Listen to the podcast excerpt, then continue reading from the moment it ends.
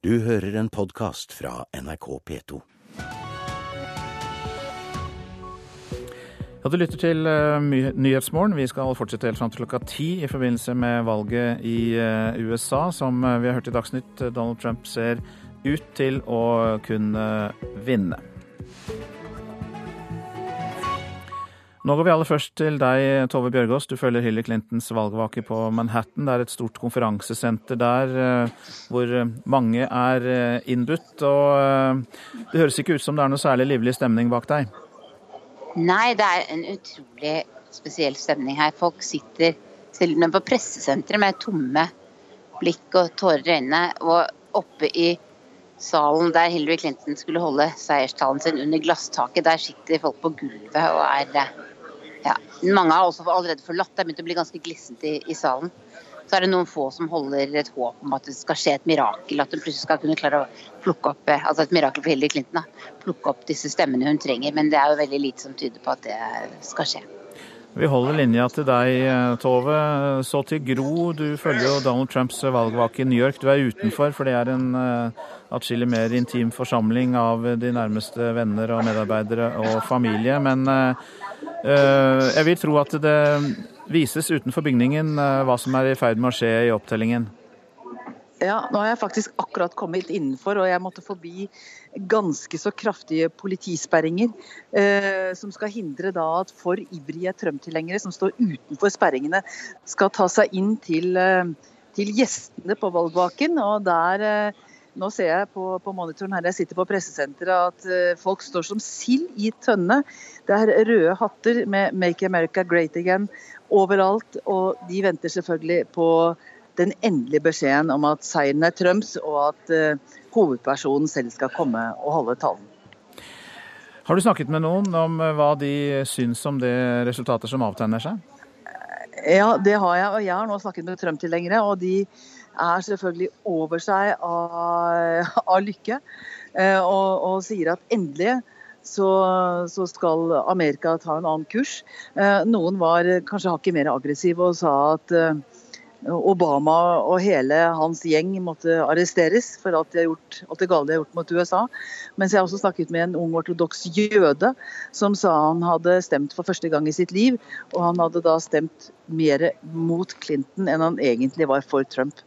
Ehm, så det er klart at her er det mange ulike oppfatninger ute og går. Jeg snakket tidligere i natt med en ehm, en fotograf eh, som sa at han hadde stemt Trump fordi han mener at Trump har den mest fornuftige utenrikspolitikken, samarbeid med Russland og nei til flyforbud over eh, Syria, som har vært Clintons politikk. Det var kanskje noe av det viktigste årsaken til at han stemte på Trump. Så her er det mange motiver ute og går, avhengig av hvem man snakker med.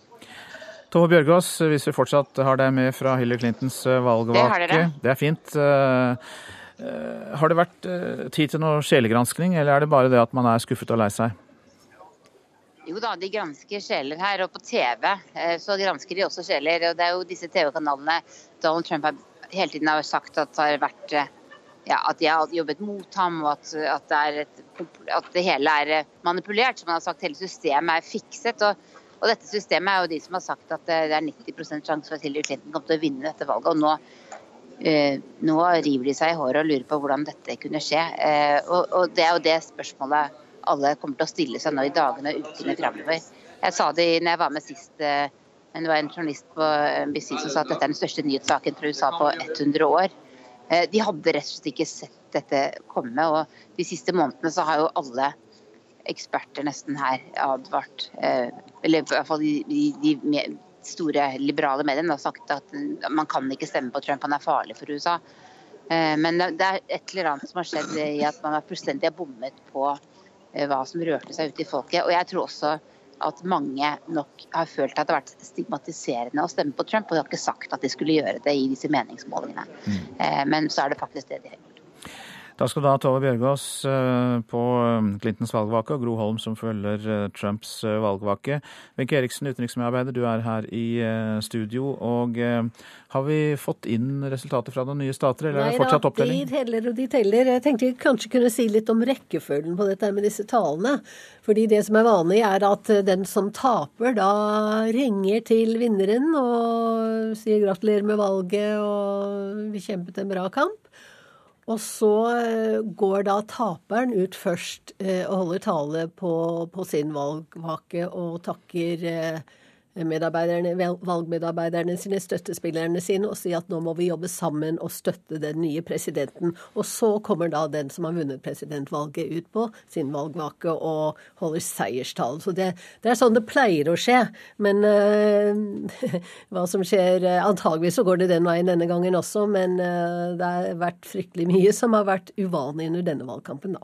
Ja, og for eventuelle nye lyttere som har stått opp og skrudd på radioen. altså det det, det, er ikke avklart, eh, Wenche Eriksen. Det, det, er ingen av kandidatene som har nådd 270, men uh, tendensen er vel klar, Wenche Eriksen?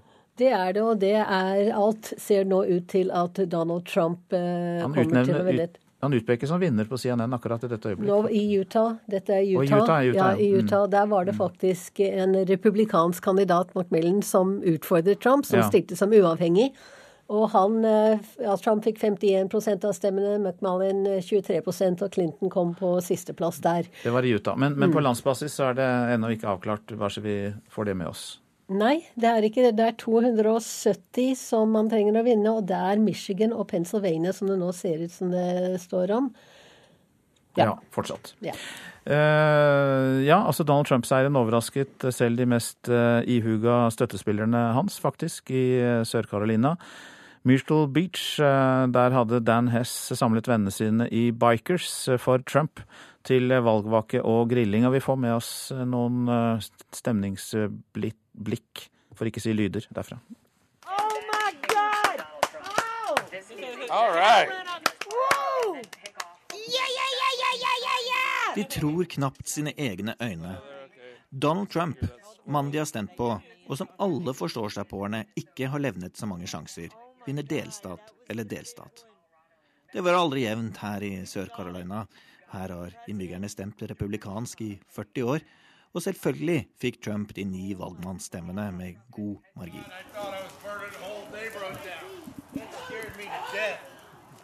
Dan Hess har invitert vennene sine til grilling og valgvake i hagen. Og Bikers for Trump mener dette kan bli deres brexit, sier Scott Byromist. We believe in capitalism. We believe in working hard. We believe in getting jobs for people, and you know that whole idea. We're hoping for America. So what what happened in Brexit, we're hoping that happens in this election tonight. Tidligere på dagen hadde folk stilt seg i timeslange køer utenfor valglokalene, og mange hadde ventet lenge. Yes, too long. How long was Two that? hours and 30 minutes. Oh, we, we arrived at uh, 12:30. Mm. I voted for Trump. So I voted Republican all the way. Okay. Uh, about three and a half hours. Three and a half hours. About three and a half hours. Yeah. Who did you vote for? Uh, Donald Trump. Okay. Did. Trump. Og selv om de fleste stemte på Trump, så ble det jevnere enn mange hadde spådd på forhånd. Men da Ohio, Florida og ikke minst nabostaten Nord-Carolina ble rød på skjermene ute i hagen, begynte selv den evige skeptiske Dan å se lysere på livet. I feel very good about this. I, I think the last states coming in are are going to go Trump. I mean, they're showing the the map right now on the television, and it's pretty red. Trump for president. Trump for president. That's how I'm feeling. It's a good feeling. Yes. Ja, det var Kristian Aanensen som fikk med seg noen eh, inntrykk der fra bikerne i eh, Sør-Carolina. Vi har en åpen linje til Trondheim, professor i statsvitenskap ved NTNU der. Torbjørn Knutsen, god morgen til deg. God morgen. Hva er din reaksjon slik det går og står i denne opptellingen nå? Jeg er jo like overrasket som uh, veldig mange andre.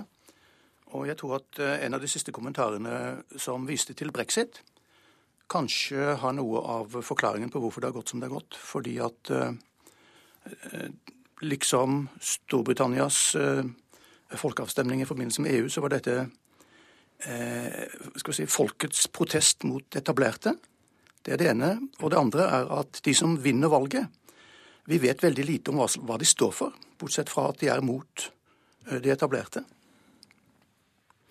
Men eh, Trump brøt jo med sedvane og forventet oppførsel for en presidentkandidat. Eh, så hvordan tror du han kommer til å gjøre det som president? Kommer han også til å bli en veldig annerledes president? Han er unik. Han var unik som presidentkandidat. Så uh, jeg tror nok at vi kan vente at han også blir litt annerledes som president. Men han er jo ikke den galningen som han ofte er blitt presentert som. Han er jo en forretningsmann. Og han kan nok dette med å sette seg ned og forhandle eh, seg fram til et resultat. Vi har fortsatt med oss Hans Lysglimt Johansen i studio. Du er Trump-tilhenger. Eh, hva er din reaksjon på det Knutsen sier her om at eh, han ikke er den galningen mange har trodd? Det er jo en bekreftelse av det jeg har sagt tidligere, med at eh, det vil være en eh, konsolidering her. Og man vil summe seg, og så vil man se at her er det mulig å bygge opp et bra presidentskap. Og så vil gode krefter komme til og hjelpe til å sørge for at dette blir bra. Og tenke seg om, og hva de kan bidra til for at dette blir bra. Og det, Slik har jo ikke folk tenkt eh, så langt. Man har bare ønsket å rive han ned.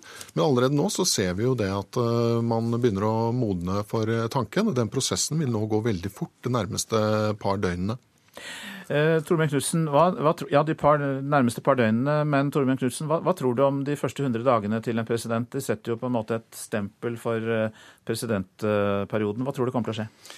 Vi vet veldig lite, fordi at vi vet vi vet lite om hvilke personer som eh, Trump omgir seg med. Vi vet lite om hvilke individer han kan tenke seg å velge som medlem av sitt kabinett, sin regjering.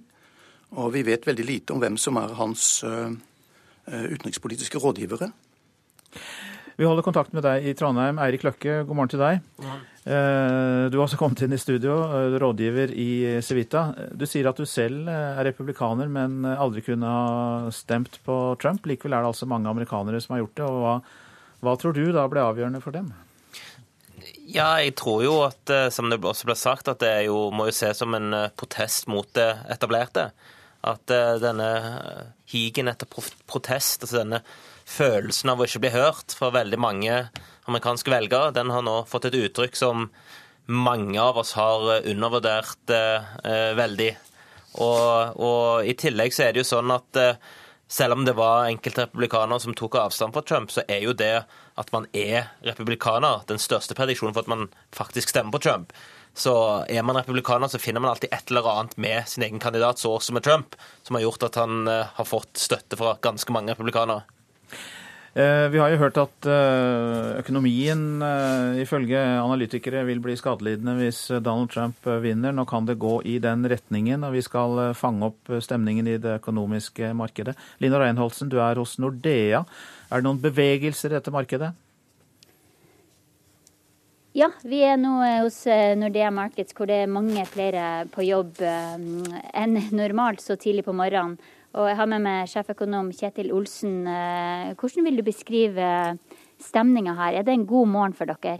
Det er jo for så vidt en god morgen, men vi er nok overraska, sånn som markedet også. Det, markedet hadde overhodet ikke prisa inn en Trump-seier, eh, så vi har sett ganske store reaksjoner allerede. Ja, hvorfor faller børsene i Japan, India, Korea, Hongkong eh, osv. Så, videre, så kraftig, og man venter også fall i USA når børsene der åpner? Mm tror det markedet tenker er at nå, nå, har usikkerheten økt. Man er blitt mer usikker på hva, som, hva fremtiden vil bringe. Trump har uh, kommet med en del utsagn, særlig innenfor handelspolitikken. og Hvis de blir gjennomført, så kan det få ganske store konsekvenser for den internasjonale handelen, og dermed også veksten i verdensøkonomien. Uh, men, men, det er såpass mye som er usikkert, og når usikkerheten stiger, så faller uh, børsene. Ja, det er jo, eh, De fleste mener jo altså at Hillary Clinton var det tryggeste alternativet. og Så ser mange på Trump som en løs kanon. Men hvordan kan det ha seg at en forretningsmann skal skape så mye usikkerhet? Eh, ja, det er jo det jeg har sagt, at han har kommet med ganske mange eh, Mange vil oppfatte det som ganske hårreisende uttalelser. Eh, og, og, som sagt, innenfor handelspolitikken så har han sagt at han skal eh, reforhandle de fleste handelsavtaler. Han skal innføre tariffer på, eller tollbarrierer mot eh, Kina og sånne ting. Eh, og det kan få store konsekvenser for verdensøkonomien, eh, og derfor reagerer markedet som det gjør. Er du nervøs? Ja, nervøs og nervøs. Altså, vi, sånn som vi har sett utslagene hittil, så, så er det litt sånn déjà vu fra, fra, brexit. Men mange markeder har ikke åpnet ennå. Vi ser der det er åpent, f.eks. i Japan, så har børsene falt sånn rundt 5 um, Så foreløpig er det, liksom, det er en stor bevegelse, men det er foreløpig ikke verdens undergang. Det er det ikke. I Norge så ser vi nå at oljeprisen faller, og det ventes også at krona skal falle. Hva slags konsekvenser vil det få for eh, det kriseramma Vestlandet hvis oljeprisen nå skal enda mer ned?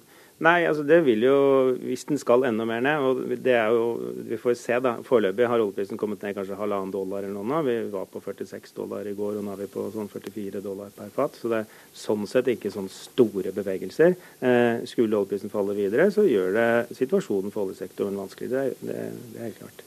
Takk til deg, Kjetil Olsen, eh, sjeføkonom i Norge. Det var Linda Reine Olsen, og den skurringen på linja kom heldigvis akkurat da hun var ferdig. Peter Svaar i Beijing, vi tar med oss deg også med reaksjonene fra Kina. Nei, Som vi hørte her, det er jo kraftige fall på børsene over hele Asia. Kanskje mest dramatisk i Tokyo, hvor børsen Nikkei er ned over 5% Men eh, også i Sør-Korea, Hongkong, eh, børsene ned mellom 2 og 3% og Det er fordi usikkerheten nå er veldig stor, eh, både rundt handel, hvor Trump jo har eh, varslet at han vil eh, legge store eh, tolltariffer på import av kinesiske varer, opp mot 45% for å få arbeidsplassene tilbake til eh, USA. Det er jo mange her i Kina som ikke helt har trodd på det, og sagt at eh, de anser det for å være varmluft og ting han har sagt i valgkampen, og begrunner det bl.a. med at både USA og Kina jo er medlem av Verdens handelsorganisasjon.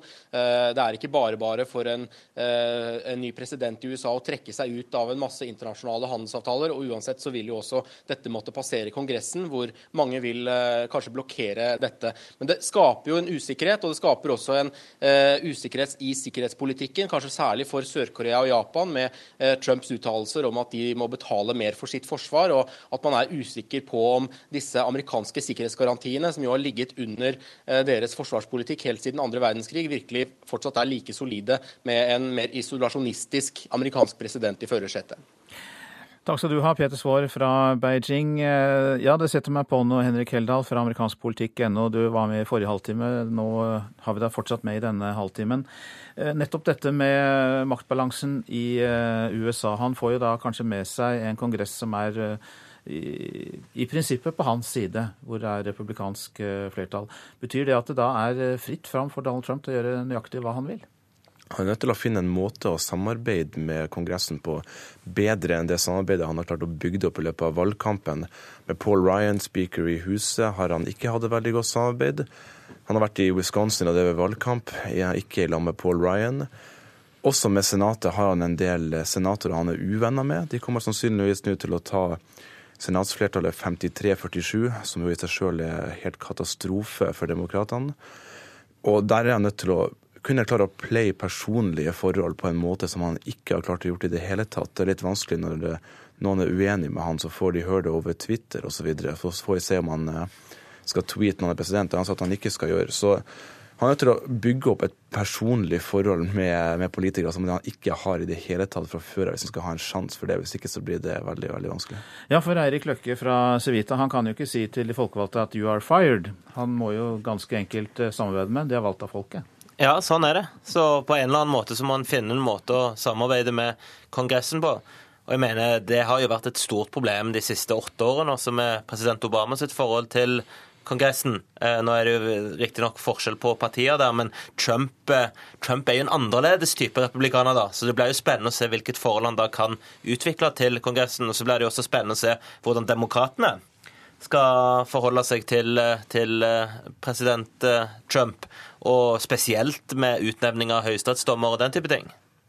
Nå har jo eh, alle de tre som eh, er her, vært ganske flinke til å si at ja, altså Trump modererer seg, eller i hvert fall han finner løsninger, han finner allierte osv. osv. Men uh, Hans Lysglimt Johansen, som den Trump-tilhengeren du er, tror du ikke det vil gå veldig dårlig hjem blant de som har valgt ham? De vil jo ha endring, de vil ha kraftig endring fort. Revolusjon, arbeidsplasser tilbake til USA. Det kan jo bli en backlash for Trump her, hvis han skal plutselig bli veldig samarbeidsvillig. Ja, Vi skal ikke undervurdere hva som eh, Trump har sagt og hva som antagelig vil skje. Jeg har jo tatt på meg rollen her å levere en slags eh, Trump-valiumpille for å dempe bølgene litt. At administrasjonen vil fungere aldeles utmerket. Man vil finne flinke folk. Men det er ikke tvil om at f.eks. mediene vil bli angrepet nå veldig hardt av Trump som president. Han har allerede sagt at eh, disse mainstream-mediene, som han anser for løgnaktige, ikke vil bli invitert til pressebrifinger på Det hvite hus osv. Så, videre. så det er klart at eh, en del eh, vil bli eh, angrepet, og, og kraftig. Det gjelder også en del av establishment i, i det finansielle systemet og andre systemer. Så at det er noen som får smake pisken fra eh, president Trump, det er helt sikkert. For det, det så må han gjøre det, og det er det som er programmet hans. Og du kan si at Hvis børsen har falt med 5 eh, rundt omkring, så har mediene som sådan, selv om ikke de er notert som så, de har falt med mye mer enn 5% med en eh, Trump presidency, for de kommer til å få gjennomgå. Vi eh, går tilbake til Tyholt og Torbjørn Knutsen. Eh, nå har jo Trump eh, blitt karakterisert som udemokratisk. Han har kommet med karakteristikker av folk. Han har sagt at Hillary Clinton burde settes i fengsel, selv om det ikke er noen dom på det overhodet. Så det er uttalelser, som kan bli oppfattet som veldig splittende og udemokratiske. Tror du at han vil kaste av seg den hammen? Nei, han, han, er jo ingen politiker, da. Så han har ikke denne glatte politikermåten å formulere seg på. Så han kommer sikkert til å fortsette å, øh, fortsette å formulere seg skal si, dramatisk. Men på den andre siden, hvis vi skraper av noe av retorikken hans og ser på hva han står for politisk, så, så ser vi det republikanske grunnfjellet øh, hos ham. Vi ser en skattepolitikk som er uh, ganske republikansk. Eh, vi ser en abortpolitikk som republikanerne kan, eh, eh, kan støtte, tror jeg. Vi ser våpenlover hos ham som republikanerne kan støtte. Så jeg tror ikke vi skal overdrive vanskelighetene innad i det republikanske partiet. Men hva tror du da eventuelt blir vanskelighetene, hvis du da, som du sier, tror at han manøvrerer seg fram? Hva, hva blir da andre ting som han er nødt til å forholde seg til, og som kan bli utfordringer? Innvandringspolitikken, eh, hvor det republikanske partiet er splittet. Eh, jeg kan tenke meg i utenrikspolitikken. Først og fremst de to områdene? Ja, altså han, vi, vi, vet lite om hvor han står eh, politisk på mange saker, fordi han har sagt så mye rart. Han har sagt én ting et sted, og han har sagt et annet ting et annet sted. Og så har han vært inkonsistent og selvmotsigende. Han har vært f.eks. mot uh, den amerikanske intervensjonen i Irak, men han mener at uh, amerikanerne må stå der lenger.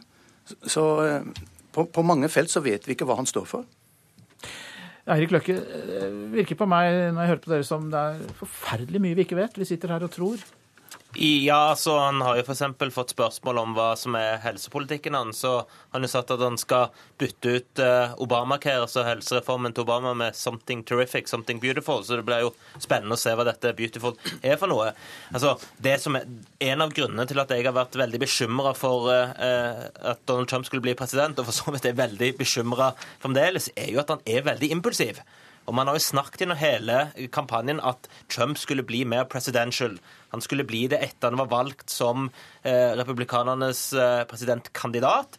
Det skjedde jo ikke. Så jeg stiller meg litt spørrende til om du virkelig kan ta Trump ut av Trump. Altså, Han er impulsiv. Han reagerer spontant hvis han får kritikk eh, eh, eller hvis han føler seg angrepet. Så, så, det blir veldig spennende å se hvordan han faktisk kommer til å oppføre seg. Og jeg er ikke veldig betrygga på at det kommer til å gå uten problemer. Heldal, går det an å ta Trump ut av Trump og gjøre han til en helt uh, vanlig president? i anførselstegn?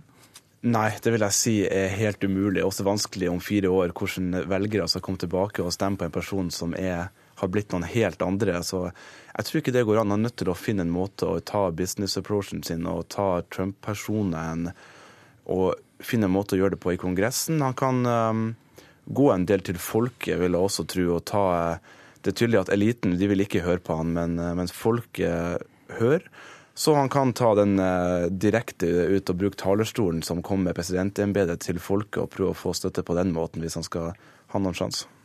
Vi skal høre hva USAs ambassadør til Norge sier, Sam Haines. Eh, han påpeker jo da selvfølgelig som en ambassadør må gjøre at resultatet ikke er endelig klart, men sier at forholdet mellom Norge og USA er veldig sterkt, og tror det forblir slikt uansett.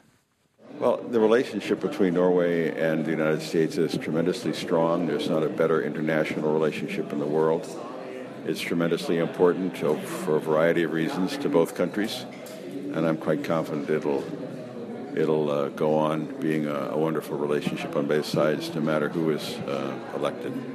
Uh, when we looked at the uh, the what was expected outcome of this election and, and what what it looks like now, do you have any explanation of the difference between those two? Well, I think you know all the polling has indicated that it was uh, that it could go either way, and uh, it hasn't yet gone. So we'll see what happens. USAs ambassadør til Norge, Sam Haines, intervjuet av Lena Gundersby eh, Gravdal. Vi må svinge innom deg også, Wenche Eriksen. Du eh, følger jo tett på dette for oss. Hvordan er situasjonen? Er det fortsatt slik at det er noen viktige stater som ikke er avklart? Ja da, vi teller fortsatt i Pennsylvania og i Michigan og hva var den siste? Var det Minnesota som vi ennå ikke har fått? New Hampshire. New Hampshire. Så vi eh, men fremdeles så tror man alle prognosene tyder jo på at det er Donald Trump som blir USAs 45. president. Du lytter altså til eh, Nyhetsmorgen. Eh, snart kommer en utvidet dagsnyttsending. Våre produsenter i dag, Marit Selmer Nedrelid, Lise Helsel Asbjørnsen. Her i studio, Øystein Heggen. Dagsnytt i 15 minutter altså, deretter Politisk kvarter.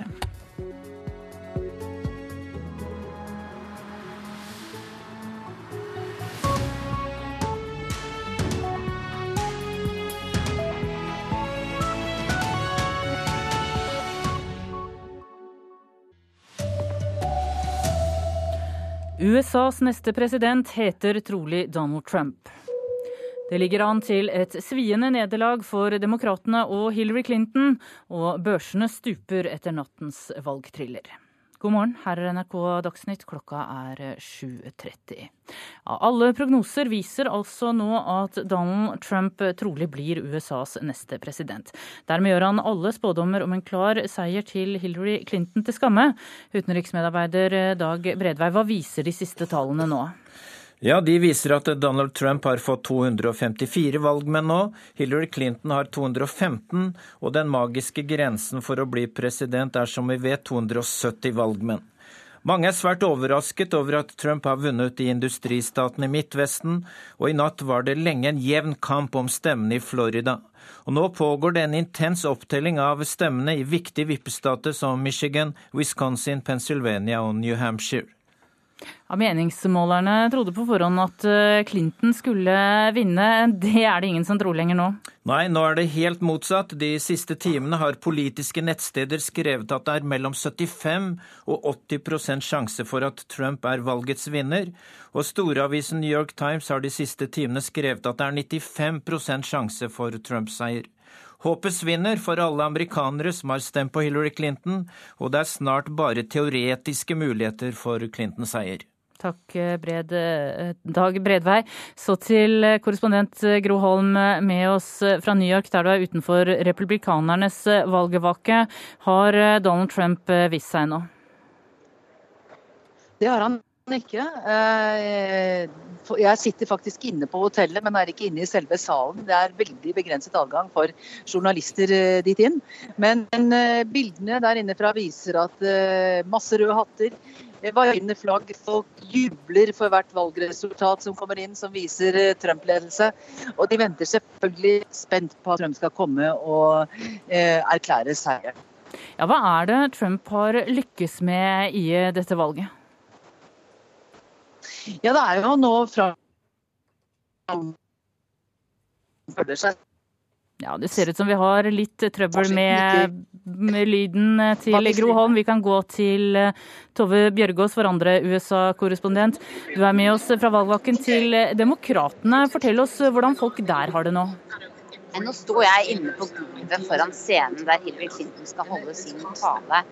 Og jeg tror det er ganske mange her som gruer seg til å se henne komme på den scenen hvis hun gjør det som det ligger an til nå, altså taper dette valget. Hvordan skal hun klare å gjøre dette for andre gang etter at hun altså fått nominasjonen til Obama i 2008. Folk står her og klemmer hverandre. Mange har satt seg ned på gulvet. sitter masse mennesker på gulvet og gråter og venter. Vi snakket akkurat med en ung mann som var helt Nei, det er et veldig spesielt sted. Ja, vi hører deg også litt dårlig, Tove Bjørgaas, men vi forsøker et spørsmål til. Hvordan forklarer demokrater som du har snakket med, det som har skjedd? De forklarer det som at Hillary Clinton aldri var den kandidaten som fikk kontakt med velgerne, slik som Donald Trump fikk. Og så forklarer de det med at det var veldig mange som ikke sa at de skulle stemme på Trump, at meningsmålingene ikke stemte fordi folk ikke Det var kanskje litt stigmatiserende å si at man skulle stemme på ham, men at uh, som en ung halvt afroamerikansk og halvt latinamerikansk mann jeg snakket med i sted, sa at det er fortsatt en den tause hvite majoritet i dette landet som, som, som, som, er viktig. Og de har bestemt dette, og de har kanskje ikke alltid sagt hva de mener, men de er rasister, sa han. Og nå har de sagt hva de mener i dette valget, og deres stemme var den sterkeste. Og jeg tror kanskje det er en av de analysene som kommer til å bli brukt i morgen. Men det at hele pressekorpset og alle ekspertene har fått så feil, det er selvfølgelig også noe som, som kommer til å bli diskutert her i uker og måneder og år. For dette er et valg for historiebøkene i amerikansk Takk, Tove Bjørgaas. Så til deg, tidligere USA-korrespondent Wenche Eriksen. Du er her i studio, og med god lyd, får vi si. Når er det ventet at det kommer et endelig resultat? Det kan jo komme når som helst. Jeg nevnte i Nyhetsmorgen i stad at de teller som bare det i eh, Michigan og i Pennsylvania blant annet. Og skulle det vise seg at eh, Trump eh, vinner i Michigan, så får han den delstatens 16 valgmannsstemmer. Da når han 270, som er det tallet han må ha for å vinne valget. Og da er det helt uh, Da er det avgjort. Den første ja. som kommer til 270, er den som vinner. Wenche, hvem er det Trump har lykkes med å mobilisere? Nå har vi ikke sett egentlig eh, hvem som har sittet hjemme og hvem som har gått til valglokalene foreløpig, men eh, mye tyder jo på da at eh, disse skjulte velgerne som han snakket om, som ikke dukket opp på meningsmålingene, faktisk har gått og stemt og stemt for Trump. Og det er i stor grad hvite menn med lavere utdanning. Det har blitt klart nå at eh, republikanerne ikke bare mm, altså ligger an til å få presidenten, men det er klart at de får flertall i kongressene. Hvilke følger for det? Ja, da er det republikansk president, hvis eh, prognosene holder. Det er republikansk senat og republikansk representantenes hus. Da kontrollerer de alt. De eh, kontrollerer dermed også utnevnelsen av den siste høyesterettsdommeren, den som mangler etter at Scalia døde i, i, tidligere i år. Eh, så da bestemmer de veldig mye. Men det er ikke bare eh, greit for Trump alt sammen dette her, eller greit for Kongressen at de får en republikansk president. Fordi det er veldig mange av de folkevalgte, folkevalgte i Kongressen som har et veldig anstrengt forhold til Donald Trump.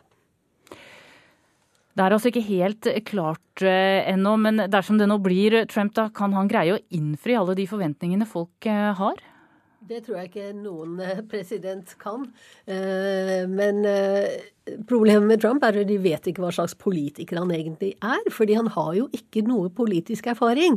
Um, og han er faktisk den første, hvis han nå blir valgt, som alle tror, den første amerikanske presidenten som verken har politisk eller militær erfaring. Al Dwight Eisenhower kom jo fra militæret, så han hadde den erfaringen. Trump har ingen av delene. Uh, og vi vet jo ikke om han endrer karakter eller endrer sin måte å samarbeide på. Eh, hvis han, når han dukker opp i Det hvite hus, da, for å si det sånn. Takk, eh, Wenche Eriksen. Eh, til deg nå, Hilde Restad, førsteamanuensis ved Bjørknes høgskole. Hvordan forklarer du at amerikanerne nå ser ut til å ha valgt Donald Trump som sin neste president? Det er jo, igjen så vil jeg gjerne påpeke at valget ikke er avgjort. Vi ja, Vi skal understreke det, og vi, vi gjør det, ja. Men det er klart at frem til i går så viste alle meningsmålingene at det var veldig sannsynlig at Hillary Clinton kom til å vinne. Og nå, hvis vi skal tro på tallene, så er det veldig sannsynlig at Donald Trump kommer til å vinne. Så det, det må vi jo ta med oss her. Eh, og vi vet ikke enda hvorfor han har vunnet, før vi faktisk får inn tallene på hvem som har stemt på hvem. Eh, og det, det, er fortsatt litt uklart. Det vil være litt eh, mange spådommer og gjetninger nå, men det vet vi ikke sikkert før vi ser eh, sammensetninga av velgerbefolkninga. Men det som, det som det her tyder på, det vi kanskje vet nå, er at Donald Trump har klart å vinne flere hvite velgere enn det f.eks. Donald um, Mitt Romney klarte i 2012, og at den marginen er større enn det som skulle være Hillary Clinton sin fortsettelse på Obama-koalisjonen, som skulle være latinos, yngre velgere, kvinnelige velgere og afroamerikanere. Så det, det, vi ser kanskje en omkalfatring av velgerkoalisjonene til de to partiene i favør republikanerne i dette valget. Men det å, og igjen, det å lene seg på hvite velgere i det lange løp er jo ikke liv laga for det republikanske partiet, for det er jo ikke den veien den amerikanske befolkninga går. Hvilke feil er det demokratene og Hillary Clinton eh, har gjort, mener du? Eh, det, igjen, det kommer helt an på hva vi vet når tallene mm. kommer inn, og hvor, hvorfor folk sier at de har stemt på Donald Trump. Men det kan jo virke som om det her er et klassisk protestvalg, og at det ikke har så mye å si hvem det er på etablissementet sin side som stiller, fordi det man ønsker å stemme imot, er status quo og etablissementet. Og da har det ikke nødvendigvis så mye å si verken hvem som er på etablissementets side, eller hvem som er opprørskandidaten man ønsker å stemme for opprøret. Hvordan kommer nordmenn til å merke at Donald Trump blir president i USA, hvis nå prognosene holder? Det kommer an på i hvilken grad eh, Trump ønsker å gjennomføre de radikale eh, forslagene han har kommet med i internasjonal politikk. Eh, det kan vi jo se på handelssida, og det kan vi også se selvfølgelig på Nato-sida. Jeg kan tenke meg at det er mange i norsk UD og forsvar som er litt bekymra akkurat nå, fordi at man er bekymra for USA sin forpliktelse mot artikkel 5 i, i Nato-traktaten. Takk, Hilde Restad. Arbeiderpartileder Jonas Gahr Støre, hvordan reagerer du på at eh, Trump nå etter alt å dømme blir USAs neste president? Det er et historisk øyeblikk, vil jeg si. Eh, mange føler uro i det pga. den valgkampen som er ført. Eh, det har jo vært en protestvalgkamp internt i USA for å mobilisere, men også budskap ut til verden, som jo har vært veldig vanskelig å, å, ta, egentlig, i forhold til hvordan verden fungerer. Men vi skal gå fra da sannsynligvis en Trump-kandidat til en Trump-administrasjon. Han skal forholde seg til en kongress. Eh, og han skal ha tid til å forberede seg før han tiltrer i januar. Eh, og jeg legger jo til grunn da at eh, USA står ved sine forpliktelser. At de opptrer i tråd med hva som er takt og tone internasjonalt. Det tjener også USAs interesser. Og så har vi forholdt oss til ulike amerikanske administrasjoner opp gjennom tidene. Republikanske og demokratiske, og det må være også utgangspunktet nå. Ja, han var vel ikke din favoritt. Eh, hva gjorde demokratene og Hillary Clinton galt i valgkampen, mener du? Jeg tror Resta er klok i å si at det må analyseres grundig. Det er mange som nå kaller seg eks-USA-eksperter etter det som har skjedd. Men det som er helt klart, er at de har ikke klart å mobilisere velgere. Den protestbølgen som han satte i gang, den har ikke de klart å møte med engasjement. Og det dypereliggende her er jo at amerikanere for mange føler seg ekskludert, glemt, satt på sidelinjen. Dype sosiale skiller. Og igjen får vi en protestvalgkamp mot Washington. Så lenge jeg har levd, så har jo alltid valgene handlet om hvem er det som er mest mot Washington. Og det er jo et uttrykk for mot det etablerte. Og der har nok hun stått. Og så har han vært den helt, eh, som det også ble sagt der, helt eksterne kandidaten som ikke har noe med det politiske systemet å gjøre. Det kan ha fungert i en valgkamp, men det skal nok også bli krevende når du kommer i en valgsituasjon. Takk, Jonas Gahr Støre. Så tilbake til deg, utenriksmedarbeider Dag Bredvei. Nå har det kommet nyheter. Ja, Donald Trump er USAs neste president. Han har vunnet Pennsylvania. Han har nå 274 valgmenn, og det kreves altså 270 for å bli valgt som president. Clinton står nå på 215. Og det er en tid for selvransakelse i USA nå. Flere medier sier at de har ikke klart å fange opp understrømmer av misnøye med den politiske eliten i Washington, og de melder at de nå spådde før valget at det ville bli en klar Clinton-seier, men det har altså ikke gått slik som medier og de såkalte tallknuserne har spådd. Ja, det blir altså Donald Trump som blir USAs eh, neste president. Hilde Restad, du er med oss eh, fortsatt. Eh, hvordan reagerer du? Eh, det, er, det er overraskende, det er det. Men det virker som vi kommer til å havne i en situasjon hvor Hillary Clinton antageligvis vinner flest stemmer på landsbasis, som vi så med Al Gore i 2000. Som i 2000, ja. Men at Donald Trump da vinner valgmannskollegiet av antageligvis igjen, det her er spekulering, at han har klart å omkalfatre velgerkoalisjonen til de to partiene, og han har klart å spise seg inn i rustbeltet, som var det man kalte for the blue firewall. Det som skulle holde for Hillary Clinton, det var Pennsylvania, det var Michigan, det var Wisconsin, og det har ikke holdt. Og meningsmålerne, de får eh, en jobb å gjøre nå? Ja, det gjør de. Og det er klart at utfordringa er alltid det her med å finne hvem er det som faktisk kommer til å stemme. Du kan ikke bare ta et representativt utvalg av den amerikanske befolkninga. Du må finne dem som er sannsynlige velgere, for det er ikke så høy valgdeltakelse i USA. Eh, og da er det mulig at man har underrepresentert visse hvite velgere, og kanskje overrepresentert andre befolkningsgrupper. Wenche Eriksen, tidligere USA-korrespondent. Dette var det veldig få som hadde trodd på forhånd?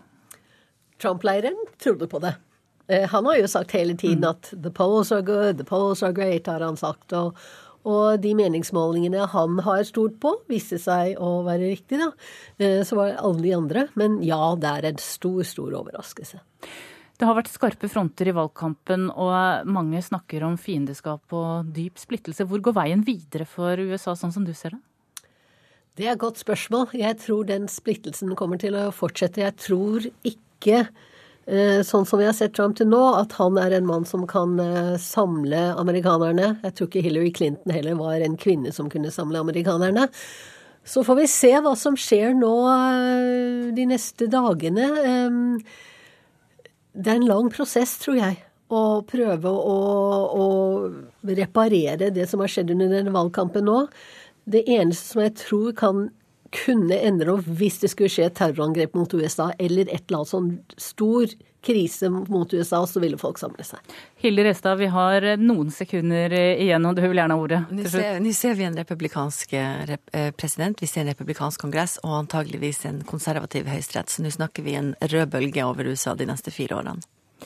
Takk til dere, Wenche Eriksen, Hilde Restad og Dag Bredvei. Det blir altså Donald Trump som blir USAs neste president. Det er klart etter at han har greid å ta 270 av valgmannsstemmene. Ansvarlig for Dagsnytt, Sven Gullvåg. I studio, Tone Nordahl.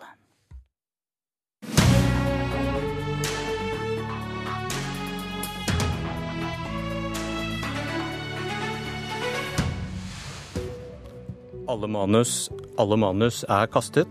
Donald Trump blir verdens mektigste mann. Det er kanskje først nå USA vil oppleve hva change betyr. Og hva med oss? Det skal ikke handle om KrFs veivalg i Politisk kvarter i dag. Velkommen, Arbeiderpartileder Jonas Gahr Støre. Takk for det. Jeg regner med at du også måtte kaste manus da du sto opp og skrible ned noen nye kommentarer. Det var vel en glidende overgang, for jeg fulgte mye av det som skjedde i natt, eh, og så hvilken vei det bar. Eh, men det er riktig at man må tenke nytt en sånn morgen, selv om jeg nok har vært blant dem som også har sett at dette kunne komme, eh, og at det er utfallet av et demokratisk valg med voldsom energi. At det også kan komme utslag. Og vi så ved brexit-avstemningen i, i sommer at meningsmålinger ikke treffer. At når protestbølgen kommer fra folk som kanskje ikke har stemt før, og fra uventet hold, så er disse målingene ikke til å ta helt på alvor. Og nå, fire minutter siden, han tok Pennsylvania. Nå ja. er det klart. Vi får president Donald Trump. Ja. Hva tenker du? Nei, det amerikanske demokratiet har valgt. De får også Kongressen, Representantenes hus og Senatet. Det er jo et en storeslem, egentlig. De har vunnet. Og jeg tenker at eh, det er en kandidat som har stått for en retorikk som har gjort meg urolig. Men nå går vi altså fra kandidaten Trump til eh, presidenten Trump og administrasjonen Trump. Og det er noe annet? Eh, det må vi legge til grunn at det er altså en administrasjon som skal styre verdens mektigste land. Som skal gjøre det på en måte som tjener det landets interesser. Og det er et land som er så sammenvevet med verden at jeg tror det må bety at vi ser også endring på en del områder. Men han skal også da lede et land som nå ser vi er dypt, dypt splittet. Eh, store sosiale skiller, folk som opplever seg på utsiden, og en protestbølge mot politikken. Og det er jo noe av det interessante. Han skal nå levere politisk fra et system som han jo har utfordret og vært den fremste kritiker av. Og det er interessant, som det har vært observert fra amerikanske medier i natt, at det er jo en likhet mellom Obama og Trump, nemlig at de begge gikk til valg på change. Få til dyp forandring. Eh, men fra veldig ulike utgangspunkter. Så nå skal altså veldig mye av det vi har sett de siste åtte årene rulles tilbake, endres. Eh, og Det tror jeg kommer nok til å møte en litt annen hverdag når det skal skje gjennom lov og i vedtak, enn det har gjort i kampanjen. Parlamentarisk leder i Fremskrittspartiet, Harald Tom Nesvik. Deler du Støres bekymring for det vi nå har fått vite? Ja, altså Mye av det Støre sier, deler selvsagt fordi at uh, det skaper en usikkerhet. En usikkerhet om hva vi får. For på mange måter den valgkampen som vi nå har bak oss i USA, har jo på mange måter ikke vært en valgkamp prega av uh, hvilke type politiske løsninger ser vi foran oss i tida som kommer. Det har vært mer uh, vært en, nærmest en, en, en krig mellom Clinton og, og Trump her. Eh, men jeg tror nok at vi kommer til å se en, en helt annen situasjon i, nå i tida som kommer. Nå kan man legge kampanjeretorikken bak seg. Nå kan man begynne å, å, å, stake ut kursen som man skal føre rent politisk. Så Derfor så tror jeg at vi nå eh, i uken som kommer, så kommer til å se en helt annen Trump som, eh, som kommer til å være mer åpen, som kommer til å, å være mer politisk opptatt. Men det er klart det er også en utfordring at Trump har jo veldig lite politisk erfaring. Han, hvordan han da skal forholde seg nettopp til, til andre land. Uh, hvordan man, uh, man skal ta tak i det som har de store politiske uenighetene som nå er i USA. Det er klart det er et, land som er veldig sånn delt på midten akkurat nå. Det, det, kan bli utfordrende for ham, men nå må vi la det amerikanske folk sin dom få lov til å, til å, å slå seg til ro. Så får vi se hva som kommer etterpå. Audun Lysbakken, leder i SV. For noen år siden tok dere en formulering ut av partiprogrammet deres. USA er den største trusselen mot verdensfreden. Hva sier du nå? Først og fremst at det er en trist og, og historisk morgen. Jeg tror vi må regne med at dette vil føre til uh, uh, alvorlige endringer i amerikansk politikk. Uh, vinneren av valget er en person som har framstått i valgkampen som en autoritær opportunist med manglende respekt for demokratiske prinsipper, eh, ført en kampanje bygget på nasjonalsjåvinisme og hets mot minoriteter. Det er en eh, president som sier han vil brenne mest mulig kull på et tidspunkt hvor vi er eh, i en helt kritisk fase av de internasjonale klimaforhandlingene osv. Jeg tenker at det er, det er, viktig at vi både diskuterer hvordan vi skal forholde oss til det, og at vi prøver å forstå hva som har skjedd. Det vi ser her, er jo et samfunn i dyp krise. Altså en ulikhetskrise der så mange mennesker føler at de ikke blir sett, føler at de taper på politikken som føres. Vi ser her hva groteske ulikheter kan gjøre med et samfunn. Og en tillitskrise der politikerne har sluttet å snakke sammen, og der mennesker ikke lenger stoler på demokratiet og på politikerne. Det er veldig eh, alvorlig. Eh, og det er en lekse å lære fra dette for eh, alle politikere. Du rakk opp hånda, Nesvik, og var ja, du uenig? Nei, ikke for at du er uenig, men for åtte år siden, når, eh, når, Obama ble valgt, da var det altså særlig her i, i Europa, og også særlig da fra, fra, SV og mange andre, en sånn hyllest at nå kom Obama, nå skulle alt eh, bli så mye bedre. Eh, dette valget er også en dom over eh, Obamas politikk, over det Obama ikke har gjort siden han, han tiltrådte. Det er klart at Man må også ta det med seg. Men må, nå må vi også la, ha respekt for eh, det amerikanske samfunnet. Altså Det de amerikanske velgerne har nå valgt sin president. Eh, det republikanske partiet har styrt eh, eh, i mange mange år i USA, er et, et, et, parti som kommer til å ta ansvar på den fronten. Så jeg tror nok at dette kommer til å gå veldig bra. Men det som jeg frykter mest her, det er jo nettopp at hvis man går videre på den proteksjonistiske linja, at man, man stenger seg mer inne istedenfor å ha en åpen økonomi, det kan bli problematisk for Norge. Støre, er dette like mye en dom over Obama og hva han ikke har fått til? Så Vi må se på det på to måter. Det ene er nok at Obama opplevde denne valget veldig mye om sitt eget ettermæle. Han engasjerte seg mer enn en utgående president pleier å gjøre. For han så hva som sto på spill. Trump definerte seg som den eksakte motsatsen til Obama. Eh, så ser vi da igjen et veldig splittet land. Det blir diskutert hva som skjedde i innspurten før valgkampen, FBIs rolle, hva som skjedde på de ulike mobiliseringene. Men et splittet land eh, sier jo noe om at det å trekke opp en vei videre som samler, blir veldig krevende. Og grunnen til splittelsen vil jeg jo si at den dagen Obama ble valgt, møtte han jo en republikansk opposisjon som blokkerte på nærmest alle punkter. Men jeg tror vi skal, hvis vi skal trekke lærdommer da over til der hvor vi er, for nå skal jo vi forholde oss til et USA eh, under Donald Trump, så er det ene det er at vi må ikke komme dit som samfunn at vi er så splittet. At folk opplever at politikken ikke hører på deres daglige eh, kår. At folk på jobb opplever at de ikke blir hørt og sett. Det har vi klart til nå. Vi har små ulikheter. Vi har vekten på retten til jobb, trygghet i jobb. Og så skal vi som land forholde oss til et USA som er vår allierte, som et land vi har historiske forbindelser med. Og der vil jeg veldig sterkt si at nå er det administrasjonen Trump De har internasjonale forpliktelser.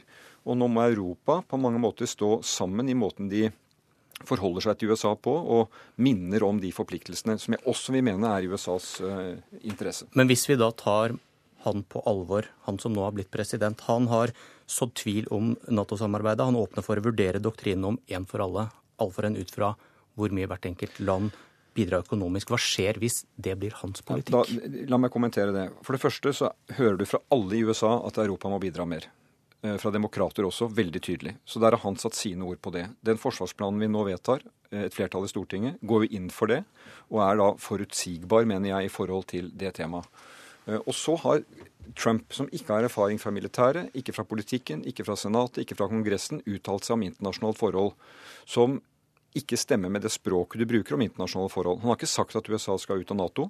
Han har ikke sagt at de ikke skal stille opp for sine allierte. Men han har ordlagt seg sånn at hvis ikke folk gjør jobben sin selv, så er det ikke sikkert han kommer og hjelper dem. Er ikke det dypt bekymringsfullt for naboen til Russland, jo, Norge? Det, vel, nei, altså jeg har sagt at eh, det er ikke bra å uttale seg sånn. Derfor så er også utenrikspolitikk et fag når man velger sine ord. Men jeg velger å tro altså Vi har forholdt oss til republikanske administrasjoner, uh, vært allierte under vanskelige tider. Det skal vi også klare nå. Og jeg uh, sa ifra hva jeg mente om de uttalelsene, som var urovekkende. Men nå må vi altså aktivt arbeide for at amerikanerne kommer i kontakt med den nye administrasjonen, og sørge for at de også ser at dette er ikke noe som er tilfeldig. Det er jo opparbeidet gjennom år med republikanske administrasjoner for å være også i USAs interesse. Og Lysbakken, vi er nabo med Russland, og Trump har ment noe i retning av at Russlands anneksjon av Krim var greit. Og hva blir konsekvensen hvis det skulle være USAs offisielle holdning framover? Altså, det er jo en av de tingene som, eh, som, bekymrer meg. Eh, den holdningen eh, han har hatt, som vi ser fra ulike krefter på det vi kaller den sånn globale høyrepopulistiske siden, der, der man flørter med autoritære verdier og også en slags beundring for sterke menn som, som, som Putin. Men, men la meg bare gripe fatt i noe jeg syns er viktig. Vi skal ha respekt for det de amerikanske velgerne sier, men det kan jo ikke bety at ikke vi ikke skal ha en kritisk diskusjon om det i Norge. Eh, tvert imot mener jeg at vi er nødt til, i en situasjon der vi ser eh, at USA, hvis vi skal ta Trump på alvor, verdimessig vil bevege seg bort fra oss, da må vi ha en diskusjon om hva slags konsekvens det får. Vi kan, bare, vi kan for det første ikke forutsette at han ikke mener alvor, eller at han ikke vil, i en situasjon der han blir president og republikanerne har begge kamrene i Kongressen ikke vil gjennomføre noe av det de har stått for. Og på den andre siden så kan vi heller ikke bare ta for gitt at Norge skal spille den rollen vi tradisjonelt har spilt internasjonalt, og, og falle inn i linjen bak amerikanerne uansett hva de gjør. For det handler jo ikke bare om hva de er, men det handler om hva vi vil være. Og i en tid der de verdimessige avstanden mellom USA og Norge vil øke, da mener jeg også at vi trenger den første store debatten i Norge på mange tiår, kanskje, om hvor avhengig vi skal være av USA. Og jeg vil jo mene at dette er et sterkt argument for at vi må bli mindre avhengig av amerikanerne. Det er det heldigvis ikke SV som kommer til å definere. Men det som er, det som er viktig, er at vi har en tendens til at vi fortolker oss uh, inn i ting som også kanskje ligger en annen mening bak. Uh, Trump har sagt at uh, hvert enkelt land må ta en større del av sitt eget ansvar, særlig finansielt når det gjelder Nato. Og det, det, er ikke bare Trump som har sagt. Og Norge har også sagt at vi skal inn i. Derfor har vi fått det forsvarsforliket som vi fikk i Stortinget i går. Eh, det er også slik at eh, vi, vi eh, særlig her i Europa, vi har våre fortolkninger. Nå tror jeg at Trumps administrasjon skal få lov til å få legge frem hvilken politikk man kommer til å, å føre. Det som er mest skeptisk til i den valgkampen som jeg har sett, det er nettopp knytta til proteksjonisme og fare for at man på mange måter låser seg inne og ikke blir den deltakeren i verdenshandelen og den posisjonen som man har hatt frem til nå. Jeg tror det er et større problem som jeg håper man finner en løsning på. Men om Russland, da din stortingskollega Ulf Leirstein sier til NTB at det er bra at Trump vant, fordi han ønsker et mer normalisert forhold til Russland, og at det er bedre for verdensfreden enn om Clinton vant? Nei, men eh, Norge skal alltid ha et, et, godt forhold til Russland. Russland er en stor nabo som vi har eh, rett over grensa i nord. Eh, så vi skal ha et godt forhold til Russland, men vi skal ha et avklart forhold til Russland som viser at Norge er en del av Nato og står for de verdiene som Nato står for.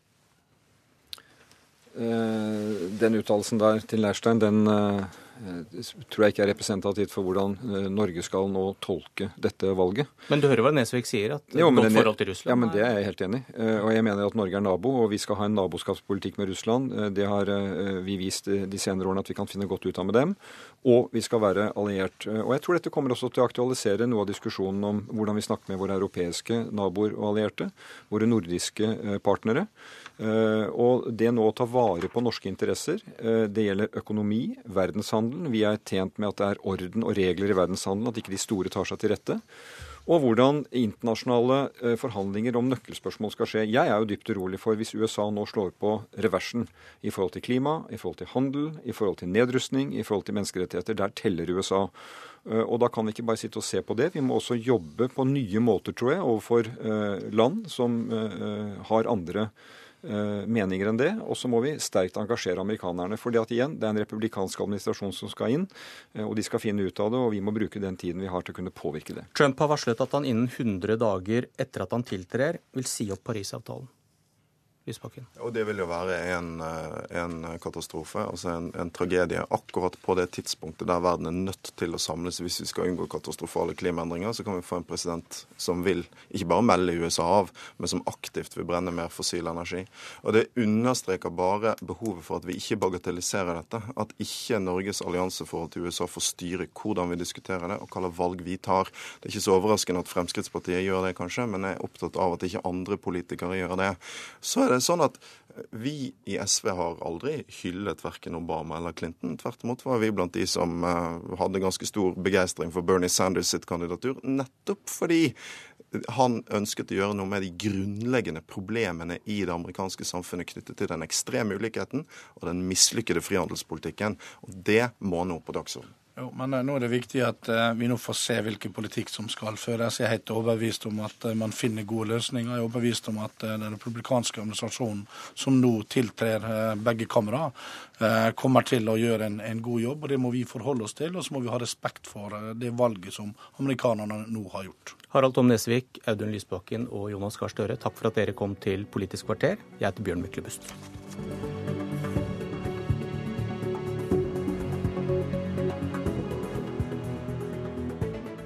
NRK P2.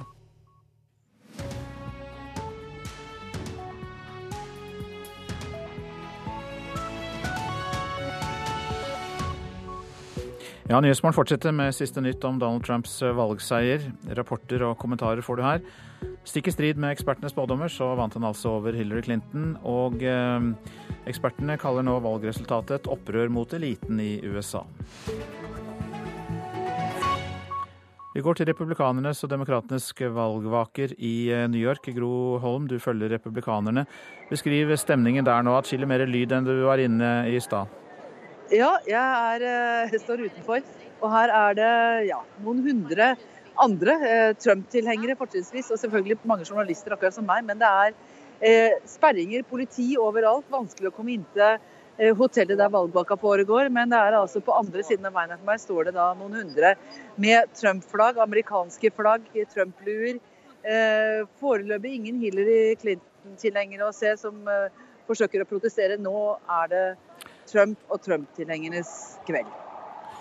Vi kan høre litt fra John Podesta her, som ledet valgkampen for Hillary Clinton, hva han sier. Thank you so much for all of you have done. You are in all of our hearts. Thank you.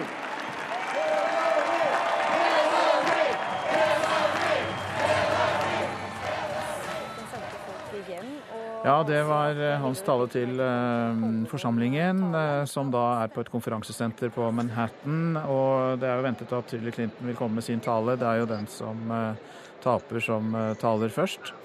Men Tove Bjørgaas, ja der kom Wenche Eriksen, du har noe nytt til oss? Nå melder CNN at Hillary Clinton ikke kommer til å holde en tale i natt. Og det viser jo ganske tydelig hvor nedslående dette er for henne. Ok, Det kom akkurat nå, altså at det var en beskjed om at hun ikke skal holde tale. Tove Bjørgaas, du er med oss fra konferansesenteret der Hillary Clinton har holdt eh, valgvake, og det kan vel du også bekrefte det Wenche Eriksen nettopp sa? Hører du meg? Hallo? Ja, vi hører deg. Ja, ja, ja jeg, det, vi kom akkurat, Unnskyld at jeg var litt borte. Meldingen kom akkurat nå fra noen som løp ned trappen her, at, at hun altså ikke kommer ut for å tale. i kveld. Og at eh, John Podesta, valgkampsjefen hennes, derfor kom på scenen i sted. Eh, jeg tror nok også det handler om at alt er ikke talt opp ennå. Og det kan kanskje bli etterspill fra Clinton eh, side i forhold til noen av disse delstatene. Men det er jo, det er jo klart at hun har, eh, at hun har tatt. Men jeg tenker også at å holde den talen altså det, Jeg tror alle de som er her nå, hadde grudd seg veldig til å høre den talen. Og, og nå, siden det ikke er utropt en vinner av eh, TV-selskapene, og det fortsatt er oppdeling som gjenstår, så, eh, så kommer hun ikke ut. Nå går folk gråtende forbi meg her. Det, det, det er sterke scener, altså. Ja, du er litt svak, Tove Bjørgaas. Du kan kanskje gi på litt mer volum, så hører vi litt bedre. Jeg har holdt oppe litt lenge, skjønner du. Ja. du, du har holdt på veldig lenge. Det, det, spiller også inn, tror jeg. Men, men eh, så vidt jeg hørte, så, så, sier du at det er, det er eh, triste scener for demokratene, altså folk som gråter. Det er folk som går gråtende forbi meg her nå ut av denne salen når de fikk beskjed om at Hillary Clinton ikke skal snakke. Og de forsøker alle å finne forklaringen på hva det er som har skjedd. Eh, og det noen ganger der forsvant definitivt Tove Bjørgaas. Det er eh, stor pågang på nettet, tror jeg, på, Manhattan. Men Gro Holm, du er fortsatt eh, med oss, og det er vel en motsatt stemning du kan eh, beskrive. Hva sier folk der? Ja, det foreløpig Jeg har kommet ut, og her står det 'Hillary, you're fire' på plakater. Eh, og folk jubler og roper, og det vaies med amerikanske og faktisk et israelsk flagg her over på andre siden av veien. Det er jo også preget av at det er fryktelig mye politi her og veldig mange sperringer. Eh, eh, de vil hindre at eh, Trump-tilhengerne kommer bort til Trump-baken. Og det er bare så vidt vi som journalister med pressepass får slippe gjennom og, tilbake til hotellet. Det er, det er tror jeg enda flere folk kanskje ned på, på, Times Square, og vi kommer til å bevege oss dit etter hvert. Men det vi og jo de som er inne på vaken venter på, det er at Trump nå skal komme ut og erklære seier. Er det en selvsikkerhet blant folk der eh, og eh, fortsatt eh, anklager mot demokratene, eller svever de nå på en eufori av, av å vinne? Nå tror jeg de svever, og jeg tror det er mer en sånn stemning Hva var det vi sa? og har vi, vi, har jo ment dette hele tiden, men vi ble ikke trodd. Og, og det har, jo, det har de jo til en viss grad rett i. Fordi det er en hel journaliststand og eh, tusenvis på tusenvis av forstå-seg-på-ere rundt om i USA og i verden for øvrig som har tatt feil. Eh, og det kommer til å bli analysert i det vide og det breie og skrevet store bøker om dette valget, for noe sånt har vel egentlig ikke skjedd før. Og også tatt av betraktning at man har analyseverktøyer som er så avanserte, og som har til de grader blitt tatt i bruk, og altså tatt feil. Eh, Gro Holm, eh, vi fikk jo nettopp høre før vi tok kontakt med deg igjen at eh, Hillary Clinton ikke vil holde en tale, og det er vel eh, svært uvanlig? Ja, det er uvanlig. Jeg kan ikke huske at jeg har eh, lest at det har skjedd, det kan jeg ha gjort. Men, men eh, det er veldig uvanlig, og dette er klart et enormt nederlag for henne. Ikke minst fordi hun også har tapt et presidentvalg før. Og nå var jeg sikker på at hun hadde gjort ting riktigere, og at hun nesten ikke kunne tape med det bakkemannskapet hun ikke minst hadde. Trump hadde jo eh, eh, langt færre medarbeidere ute i felt, og satset jo alt på disse store folkemøtene. Eh, og, og, selvfølgelig på den medieoppmerksomheten han fikk gjennom alle sine veldig kontroversielle utspill. Og hun satser på hardt og systematisk arbeid, og det førte altså ikke fram. Takk skal du ha i denne omgang, Gro Holm. Wenche Eriksen, du, eh, du, husket historiens gang her. Det har skjedd ja, før? Det har skjedd før. Og akkurat når jeg hørte at, at, Hillary Clinton ikke kommer til å holde den tale, så fikk jeg litt flashback til 2000-valget. Da det var snakk om Al Gore og George W. Bush, hvor eh, Florida da ble erklært i um, Bushes favør, og han ble utropt som den neste presidenten. Og så ringte Gore til ham og gratulerte han, og så var eh, Bush klar til å kjøre bort og holde en seierstale, og så plutselig ringte Gore tilbake og sa nei, nei, nei, nei jeg trekker tilbake den gratulasjonen, fordi vi er usikre på opptellingen i Florida, så uh, vent, vent, vent. Men det er vel ikke sannsynlig nå? Nei, uh, det er det nok ikke, men uh, så er spørsmålet hva er grunnen til at Hillary Clinton ikke holder? Er det det at hun er så skuffet? Og det er hun helt sikkert. Eller er det et eller annet sted hvor demokratene har lagt inn protester mot opptellingen? Det vet vi ikke. Eh, bare så det er klart for eventuelle nye lyttere, Wenche Eriksen. Det er jo nå, det er nå klart at eh, Donald Trump vinner valget. Ja da, det ble klart for en halvtimes tid siden ja. da han uh, vant uh, Pennsylvania og passerte med god margin tallet 270, som er det tallet på valgmannsstemmen som man må ha for å vinne valget. Mm, bare så det er sagt. Marte Halser, du er kommet i studio, og du har jo med deg noen internasjonale reaksjoner. Ja, for eh, i Frankrike så har eh, lederen i det ytre høyre-partiet Nasjonale Front, Marine Le Pen, gått ut og gratulert eh, Donald Trump. Hun sier gratulerer til den nye presidenten og til det frie amerikanske folk. I Tyskland eh, der eh, kom nyheten som et sjokk. Eh, forsvarsministeren der sier til tysk TV at, det, at, det, nå viser at Trump går mot seier. Det, det var et stort sjokk for hun, og hun sier at hun tror dette heller var ei stemme, ikke var ei stemme for Trump, men mot Washington. Et annet medlem i det konservative partiet til Angela Merkel har òg sagt at eh, den tyske regjeringa nå er veldig usikre på eh, hva de har i vente. Han sier at de nå har innsett at de ikke har noen idé om hva det er som kommer til å skje, eh, med det han sier en mann med et sånt sinne at han nå blir verdens mektigste mann. Og vi står nå overfor en veldig usikker geopolitisk situasjon, det sier han. Takk skal du ha for den oppdateringen, eh, Marte Halsør. Og så har vi en gjest til i studio, Cecilie Staude. Velkommen til deg. Takk. Du er høyskolelektor ved Handelshøyskolen eh, BI. Eh, vi tar et lite skritt til siden nå, fordi de sosiale mediene spilte jo en stor rolle da Obama ble valgt, men de har også spilt en minst like stor rolle nå. Ja, altså jeg, Når vi ser hva som ble utfallet av eh, valget, så tror jeg nok at vi kan slå fast at de sosiale mediene har hatt større betydning eh, nå enn det man kanskje eh, har forutsett. Eh, vi ser jo det at Donald Trump har klart å nå en eh, velgermasse som man ikke trodde ville stemme. Eh, mennesker lavere utdannet, også kjennetegn på mennesker som bruker mye tid i sosiale medier. Så der har nok Hillary Clinton undervurdert betydningen betydningen av å være mer aktiv i sosiale mediene. Eh, eh, for vi ser at Donald Trump har klart å mobilisere flere følgere også. Han har over dobbelt så mange følgere på sin Facebook-side som det Hillary Clinton har. Han har også veldig mange ambassadører der ute som hjelper, har hjulpet han i hele valgkampen med å eh, dele innhold, og det har nok også hatt sin effekt.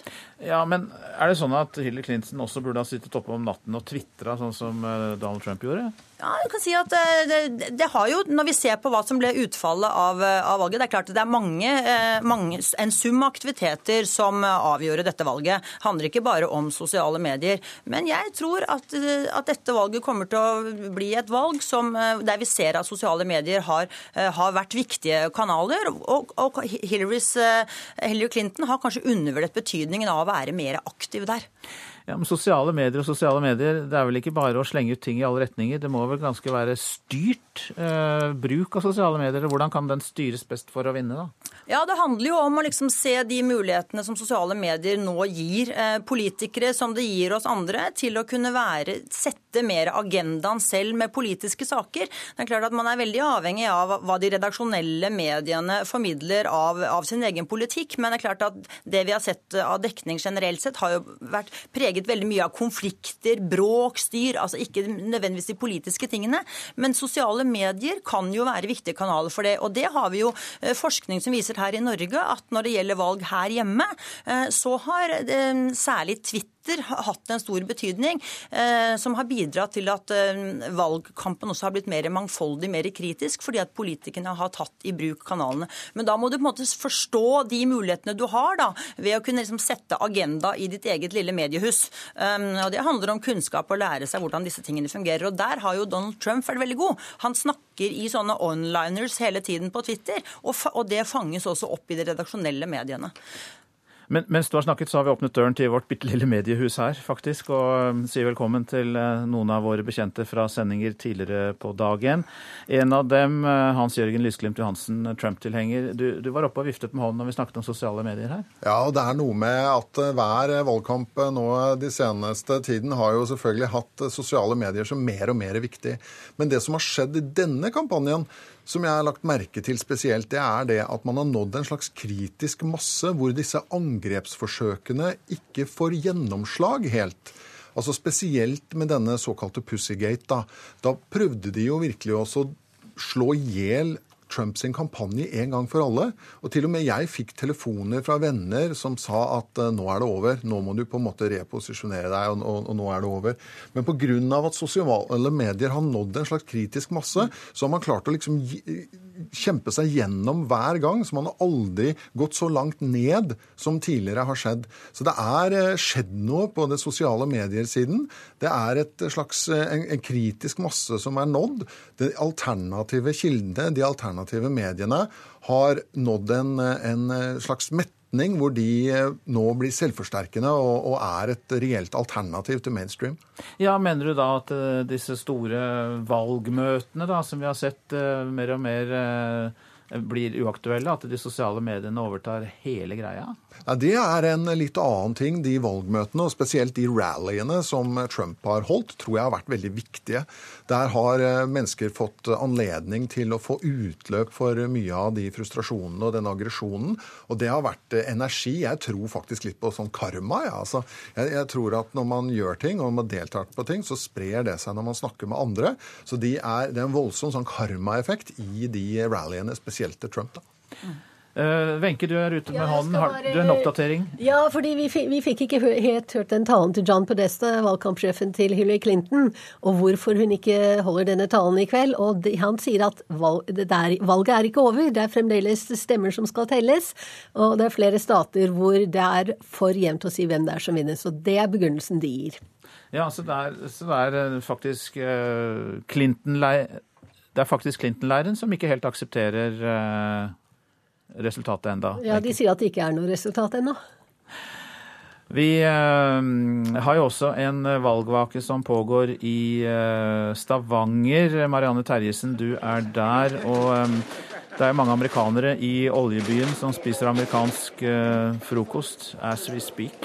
hvordan er stemningen, Marianne? Ja, her er det vel Nå har det vel vært en eh, hva skal vi kalle det, en utløsning av, av spenningen. for nå er det jo klart hvordan det går. Men her har det vært eh, folk fra klokka var fem i morges og spist eh, amerikanske pannekaker og egg og bacon og pølser og det som hører til en ekte amerikansk frokost. og jeg har med meg et par av de som er her. og Phil De Valerio, du er republikaner. og Hvor fornøyd er du i dag? Jeg er kjempefornøyd eh, og eh, overrasket, eh, men veldig fornøyd med resultatene. Jeg er spesielt glad for at i tillegg til president, at Kongress og Senatet ser ut til å fremdeles være holdt av republikanere. Men du er overraska du òg? Ja, jeg er veldig overrasket. Jeg ikke, hadde ikke forventet at Clinton skulle tape valget. Det så jo så veldig dårlig ut. og uh, det så ut som det skulle vært en ganske lett seier for henne i med um, forhold til alle disse tingene som Donald Trump har sagt over månedene. Men han, han, fant publikum. Ja. Ja, Geir Rosland, demokrat. Ja. Du fikk noen, litt, noen timer på øret, men da du sto opp og tidlig i morges og slo på TV-en, hva da? Ja, helt i sjokk. Helt i sjokk. Jeg kunne ikke tro det. Jeg hadde, hadde store forventning, og uh, jeg, I går kveld hadde vi uh, en fest, pantsuit party, og så alle var positive. Jeg var litt bekymret, men um, jeg trodde at vi skal vinne. Og så når jeg våknet um, Jeg er i sorg nå. Uh, dere var jo sammen på denne festen, ja. Og Phil, du var jo ganske ensom på den festen? Ja, jeg var det eneste der som uh, hadde litt uh, annen sinn på valget. men det var en kjempehyggelig samling folk, og ja, veldig, ja, det gikk veldig bra. De mobbet deg ikke? De mobbet deg ikke? Nei, nei de, de gjorde ikke det. Ja, jeg prøvde å holde meg litt uh, ydmyk og uh, optimistisk. Så nå fikk du altså revansjen din. nå. Uh, Geir, du har vært i kontakt med venner i Amerika nå i morgentimene. Hva, hva sier ja. de? De var helt i sjokk, de òg. Og jeg var i USA for noen uker siden, og så det var folk som sa hvis Trump vant de kunne tenkt oss å flytte til Norge eller til Canada. Og jeg er jeg kan bare si jeg er glad i å ha bosatt her i Norge akkurat nå. Men uh, vi, vi, vi, skal se. Uh, vi er alle amerikanere. Det, det, betyr ingenting om hvor vi bor. Og vi har klart det før.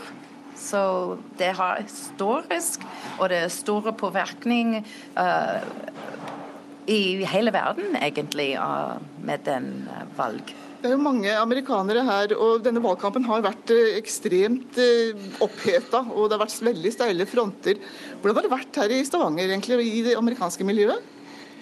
Um, ja, sånn, jeg, har, ikke funnet så veldig mange uh, Trump-supportere i, i, Stavanger, eller uh, for øvrig i Norge i det, i det hele tatt. Men uh, ja, det, det, ser ut som det er mange som uh, skylder litt uh, følelsene. At uh, de kunne tenke seg å, å støtte Trump.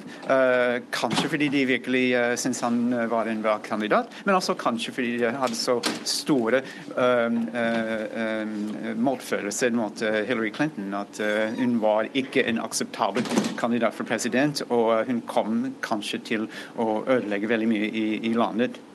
Hva tror du om eh, samholdet i det amerikanske miljøet her etter en sånn valgkamp? Ja, eh, jeg, jeg, føler at Hillary kunne gjort et bra jobb. Hun er intelligent. Uh, hun uh, gjør jobben. Uh, hun har mye erfaring. Og så jeg syns hun kunne gjort et veldig bra jobb. Men hun har vært veldig upopulært i det siste. Og um, jeg tror og da, Med det så lar vi folk slippe vekk her fra Ostehuset og komme seg på jobben og fordøye det som har skjedd i natt. Hjertelig takk, Marianne Terjesen, som fortalte fra Stavanger og møtte republikanere og demokrater der. Dette er eh, Nyhetsmorgen. Vi eh, følger opptellingen av valget i USA. Hillary Clintons valgkampsjef eh, mener at valgresultatet ikke er klart ennå, og sier at Clinton ikke kommer til å holde noen tale ennå. Men republikaneren Donald Trump har altså sikret seg 278 valgmannsstemmer, og for å vinne valget så trengte han bare 270. Og Wenche Eriksen, vi venter vel nå på Trumps tale?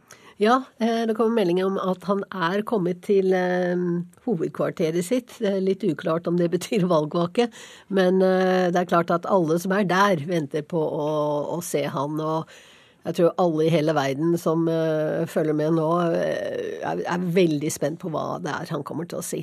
Om han uh, kommer til å være noe mildere og ikke så konfronterende i den talen han skal holde nå, for nå skal han faktisk forsøke å samle folket. Han skal være president for alle amerikanere, enten de ville ha ham eller ikke. Vi er alle amerikanere, var de trøstens ord hun ga seg selv, demokratenes representant i Stavanger her. Ja, Så vi får se. Ok, vi, vi, tar en liten oppsummering før vi går videre med våre folk i studio her. Eh, nemlig at Trump vant flere viktige vippestater. Det er noe av hovedpoenget i natt. Og seieren i Florida var spesielt viktig, skal være.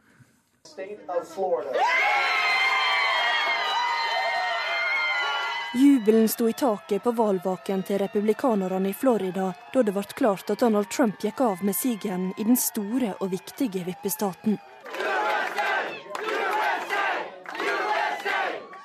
Oh, excited. Very excited. Florida to us is a big win. Yes. In this area, we worked really hard yes. to put him through because we knew he needed our votes. And so we really worked hard. Hillary Clinton hadde håpa å få drahjelp av de mange latinamerikanerne i delstaten. Men mange valgte heller å stemme på Trump, sier Mira Filmore. There's some, yes. you know, but like everything else, yes. Not every state is monolithic. So, you know, you have a little bit of everything. You have the Cuban American vote that is very conservative, yes. and then you have another. Hispanic vote. So, but it doesn't mean that we vote all the same. Det var lenge jevnt løp mellom kandidatene, Og på førehånd ble det sagt at skal Trump ha noe sjanse til å vinne presidentvalget, må han vinne i Florida. Og med siger her var Trump et godt steg nærere Det hvite huset. Nå skal vi ta landet vårt tilbake, sier en av Trump-tilhengerne, Dan Ditto. This is the greatest night ever. The American people are taking their country back. Okay? Back from who? From the establishment, from the people who've ruined our country, from the people who launched a war on Western culture. You know? Now we're going to be free again, just like the founding fathers intended under the Constitution. Resultatene som tikker inn, har fått markedene verden over til å skjelve. Dollaren, den meksikanske pesoen og oljeprisen har fått merke uroa. Men dette er bare kortvarig, tror Trump-velgerne i Florida. Yeah, that's the establishment trying to scare everybody, just like they did with Brexit over in England.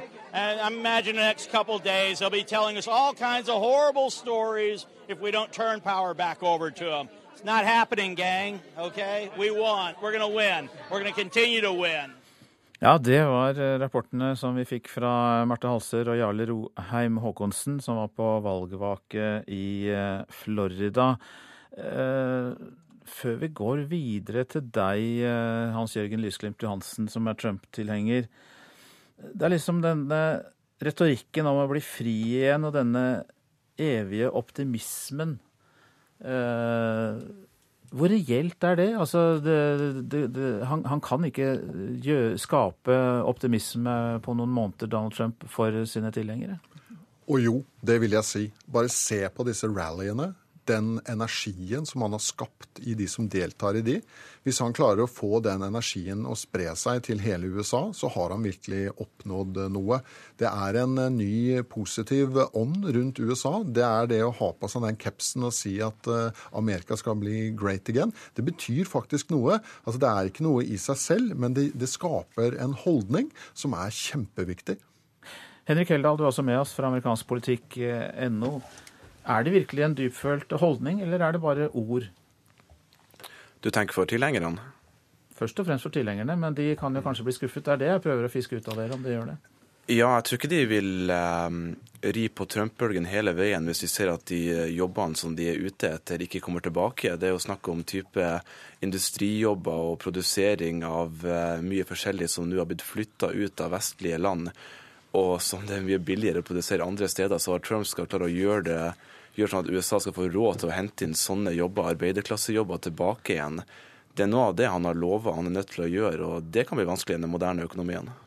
Cecilie Staude, du er fortsatt med oss, høyskolelektor ved Handelshøyskolen BI. Du snakket om bruken av sosiale medier eh, i denne valgkampen. Og de sosiale mediene var jo nettopp med på kanskje å piske opp denne stemningen og den optimismen vi hørte om eh, veldig sterkt i dette innslaget. Ja, og jeg er jo helt enig med det som ble sagt her, at um, Donald Trump han har en form sant, også i de sosiale mediene som fungerer veldig godt. Han byr litt på, han er nedpå. det er litt sånn lavterskel også i kommunikasjonen. og han snakker i et format eh, som egner seg godt for sosiale medier. Der syns jeg han er bedre enn en Hillary Clinton, som ofte er litt mer sånn statisk. Ja, jeg tror det, det, også har betydning. Men er det bare form? Altså Han er jo blitt tatt for å ha sagt masse ting som er feil. Er form så viktig at man bare kan pøse på med feilaktige påstander? Nei, det er jeg helt, eh, det er helt enig i. Mye av det vi har sett i sosiale medier, er jo at um, folk har ikke bare snakket sin kandidat opp, men man har snakket folk ned, og man har fokusert mye på konflikter. Det ser tydeligvis ikke ut som det har hatt så veldig stor betydning egentlig. Hvorfor kunne vi se utfallet av, eh, av, eh, av valget. Ja, men Hvilken virkning tror du at dette bruken av sosiale medier, som du sa litt tidligere denne halvtimen, mm. var større enn man trodde under denne valgkampen? Hvilken virkning får det for, for, valgkamper, ikke bare i USA, men andre steder, at det var så sterkt innvirkning det, av, av, det her? Jeg tror det er én ting som kommer til å utpeke seg, og vi kommer til å snakke om bruken av sosiale medier i dette valget, var nemlig å nå en, en velgermasse uh, som vi ikke trodde kom til å stemme. Uh, og den har vist, vist, seg å være ganske stor. Jeg tenker også på et annet poeng, og det gjelder jo både Clinton og, og Donald Trump det, eh, den manglende evnen de har hatt til å nå de yngre velgerne. Um, de yngre velgerne som i stor grad bruker sosiale medier, vi ser at det har de ikke klart. Og der hadde nok Hillary Clinton hatt en større mulighet hvis hun hadde vært mer bevisst uh, akkurat og lagt en strategi for å nå dem. Her i radioen er vi slaver av klokken. Når den forteller meg at den er 8.29,43, så betyr det at det snart er Dagsnytt, og da skal vi få den konsentrerte oppsummeringen, de aller siste informasjonene om valget i USA, og så fortsetter vi etterpå.